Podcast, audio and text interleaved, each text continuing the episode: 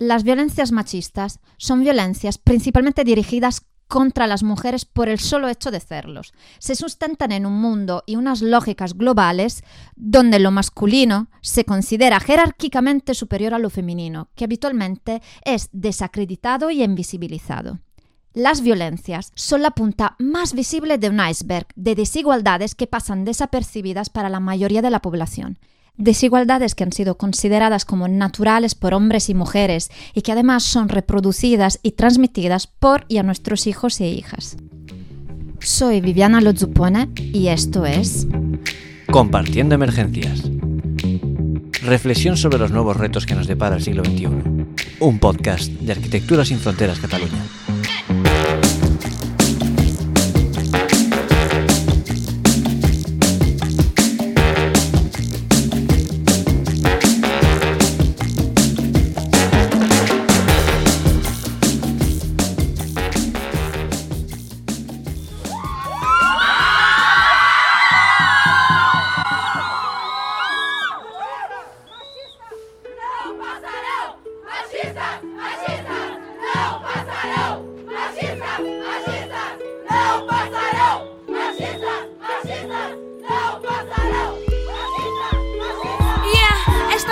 Dedicada a toda mulher que tem vontade de vencer, que sabe o que quer. Mulher que luta para ter um lugar presente. Mulher que chora, que ri, mostra o que sente. Esta de certeza vai para aquela mulher que, mesmo injustiçada, não se deixa bater. Mulher de corpo, de alma, mulher dragão, suave como o vento, mas vira um furacão. Mulher mãe, mulher esposa, dona de casa. Mulher que sofre, que chora e que sempre cala. Mulher que sente, que adora, mas nunca fala. Mulher que ama, perdoa e nunca se cansa. Mulher que cuida do lar e aquela que trabalha. Mesmo sem armas, ela está pronta para a batalha. Mulher que vence, que luta e que às vezes perde. E quando perde, levanta a cabeça e segue. Batalhadora, esforçada, põe as mãos no ar. Superwoman dependente, vamos todos agora celebrar. Mulher, mãe, talentosa, heroína, põe as mãos no ar. Superwoman dependente, vamos todos agora celebrar. Hemos escuchado un fragmento de la canción Super Mujer de la artista mozambiqueña conocida como Dama Dublín, licenciada en Derecho, cantante, empresaria y filántropa, que con su música nos trae un claro ejemplo del empoderamiento de la mujer. A pesar de los avances en la lucha contra las violencias de género, lo cierto es que las violencias contra las mujeres se dan en todos los países del mundo. Según datos de la ONU, el 70% de las mujeres experimentan violencia en el transcurso de sus vidas. Las violencias machistas son globales, la base es la misma, pero eso no quiere decir que no haya diferencias en cómo se manifiesta en los distintos países y contextos culturales. Las situaciones de pobreza, de desigualdades sociales, de catástrofes naturales influyen de forma fundamental en las violencias. Desde hace cinco años, ASF tiene una línea de trabajo en Inhambane, Mozambique, dando apoyo a las instituciones en la lucha contra las violencias hacia las mujeres.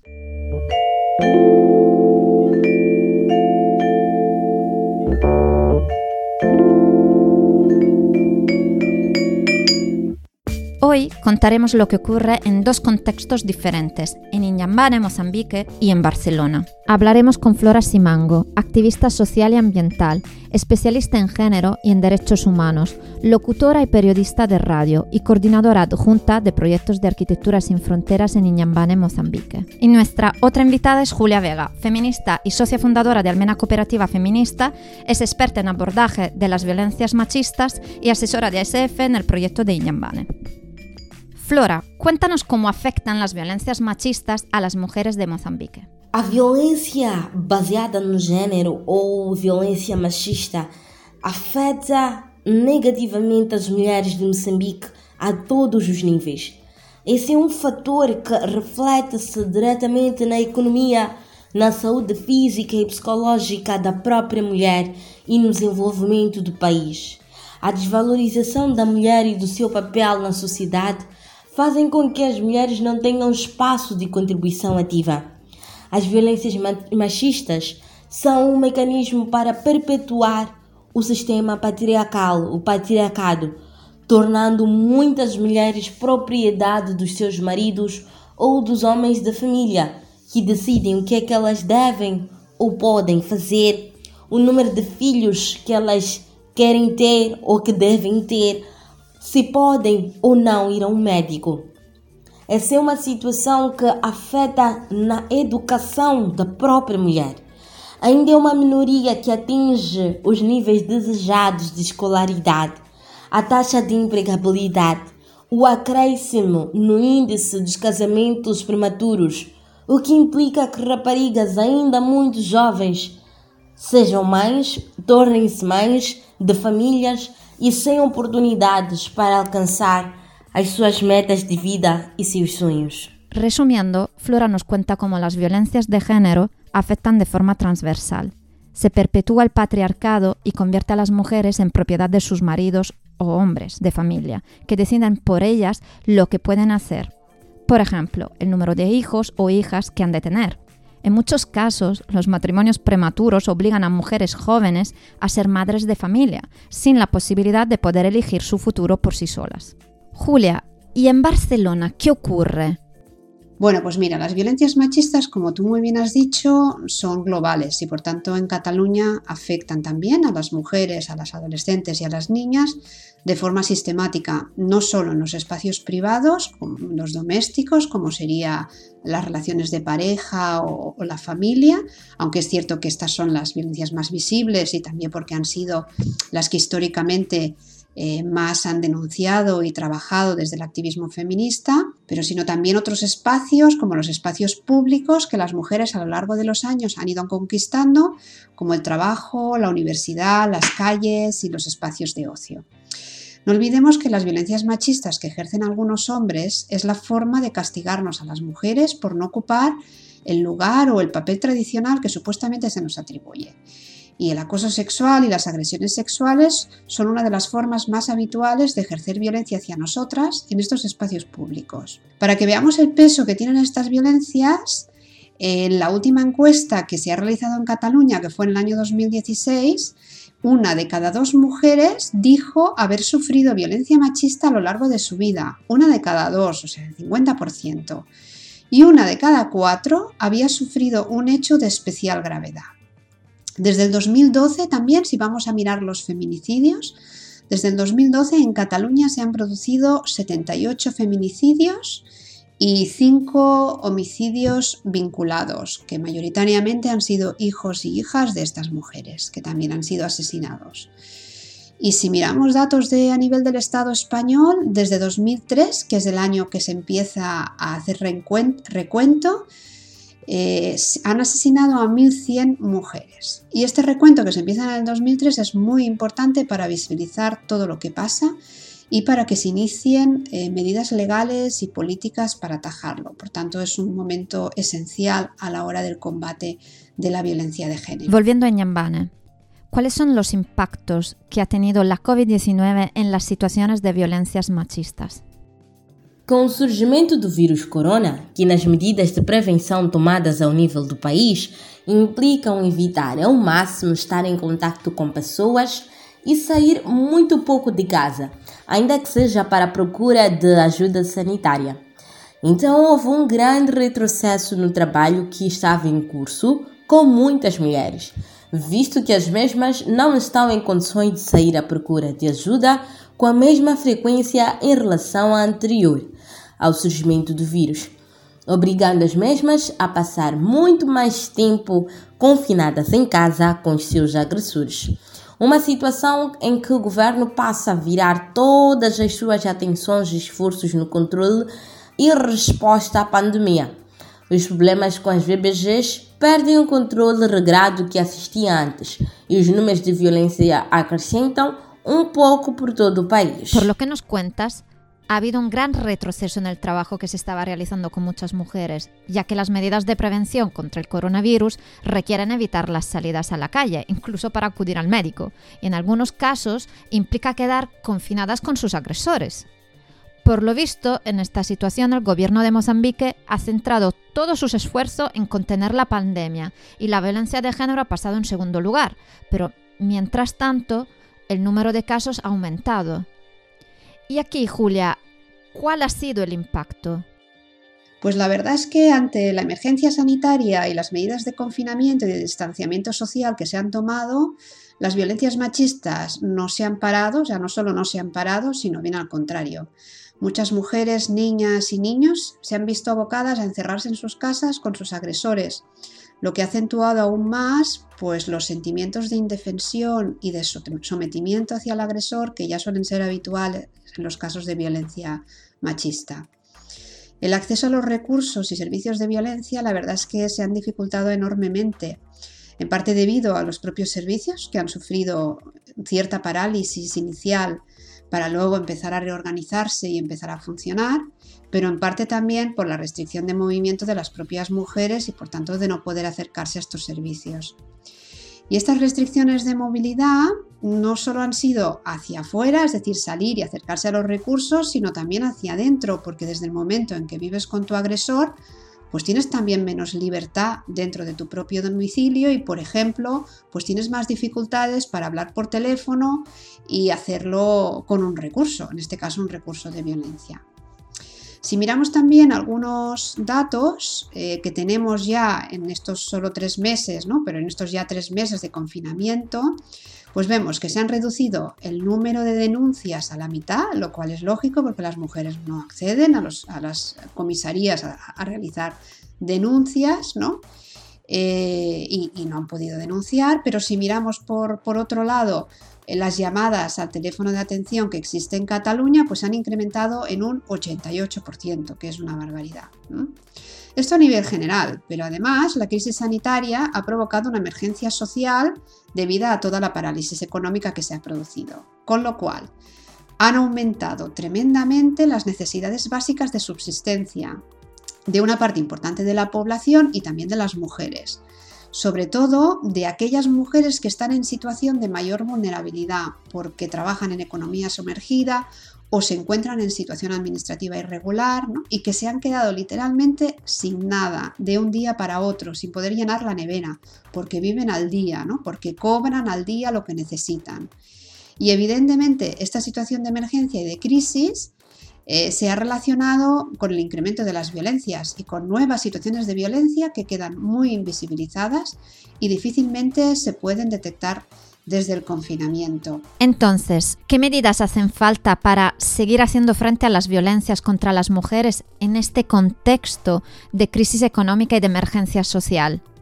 No contexto moçambicano, das diferentes medidas que fazem falta, ressentem-se mais na área de saúde pública e proteção, apesar de estarmos minimamente equipados para dar assistência, mas pouco se pode fazer dado as circunstâncias que limitam a muitas mulheres para se locomoverem em busca de ajuda. A falta de conhecimento dos profissionais de saúde para fazer o trabalho à distância tem sido uma das grandes barreiras.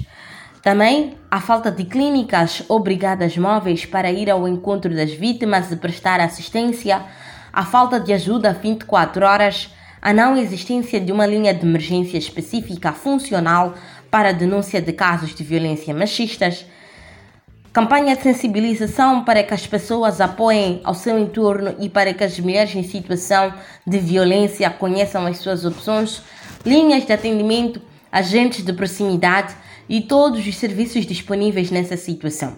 Continuar a desenvolver capacidades a nível comunitário de proximidade é especialmente importante nestes casos. Recapitulando un poco lo que nos comenta Flora, las medidas que más se han resentido son en el área de la salud pública y la protección. A pesar de estar preparadas para dar asistencia, se han visto limitadas por los factores derivados de la actual emergencia como las restricciones en los desplazamientos, la falta de recursos para poder dar asistencia a distancia y la falta de unidades móviles o líneas de emergencia 24 horas específicas para casos de violencia. Son importantes las campañas de sensibilización, además, para que las mujeres conozcan sus opciones, habilitar líneas de atención y continuar desarrollando capacidades a nivel comunitario y de proximidad. Y en Cataluña, ¿cuáles serían las medidas necesarias?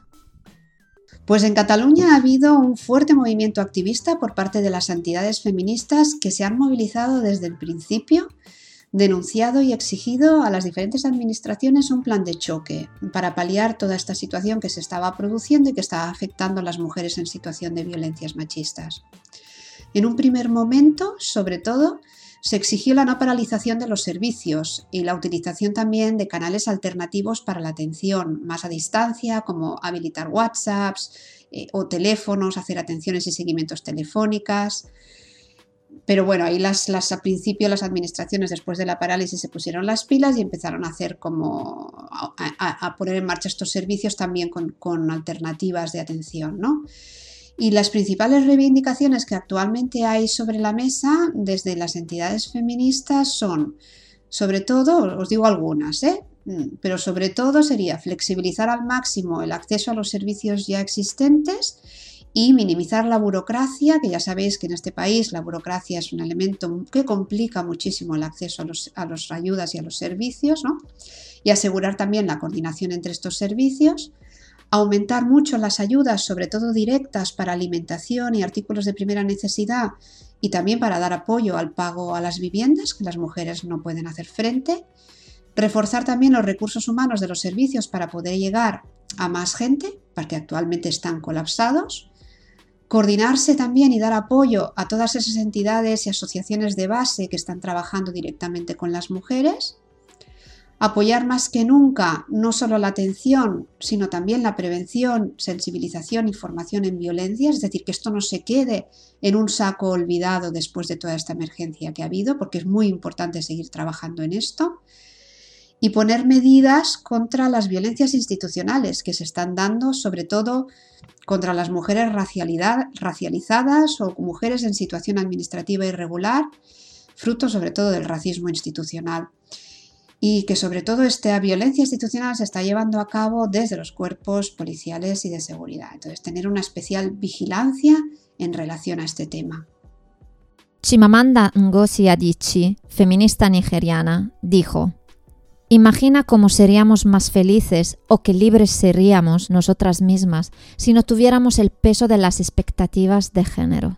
La vergüenza que atribuimos a la sexualidad femenina se refiere a una cuestión de control Muchas culturas y religiones controlan el cuerpo femenino de una u otra forma. Si la justificación para controlar el cuerpo de las mujeres se refiriera a ellas mismas, sería comprensible. Hoy también contamos con la intervención de Marcia Chambule, poetisa mozambiqueña que escribe desde los 12 años como su forma de expresar la libertad. Escucharemos el poema Négame todo menos la libertad. Negue-me o que quiseres, mas não me negues a liberdade. Negue-me o desfile das ondas no mar, o fulgor das estrelas no céu, a luz fascinante do luar, mas não me negues a liberdade. Seja eu mulher, sejas tu homem, não importa.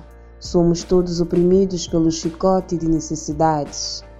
Somos iguais, feitos de insatisfações, anseios de sentimentos, merecedores de respeito, consideração e felicidade, e acima de tudo, da liberdade. Então não me negues a liberdade de ser o que sou ou o que desejo ser, pela razão de ser mulher.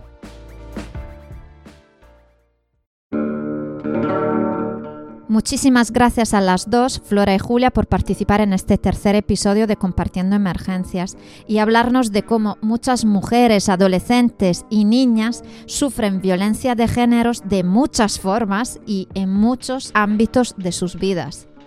Bien, muchísimas gracias a vosotras por invitarme. Un saludo.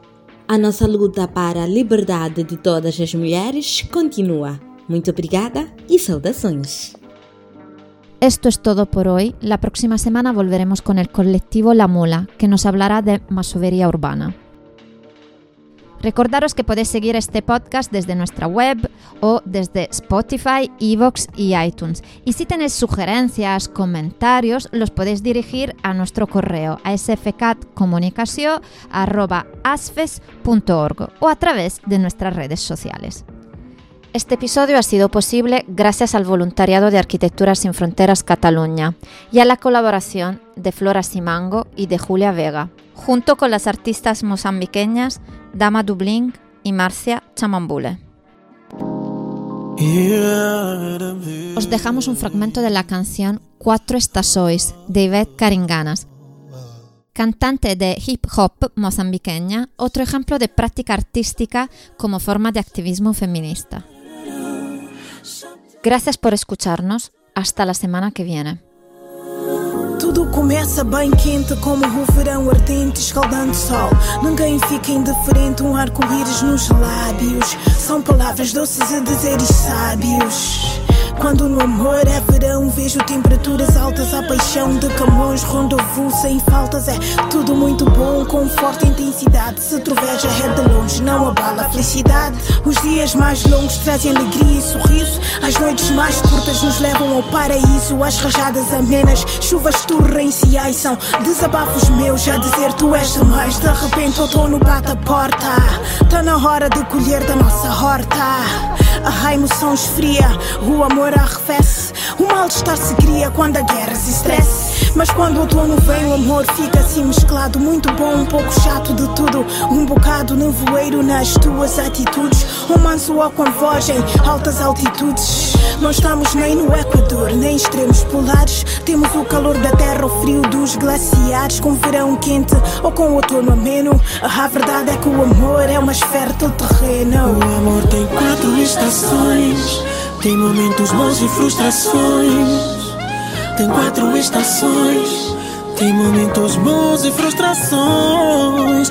Quatro estações. Tem momentos bons e frustrações. Tem quatro estações. Tem momentos bons e frustrações.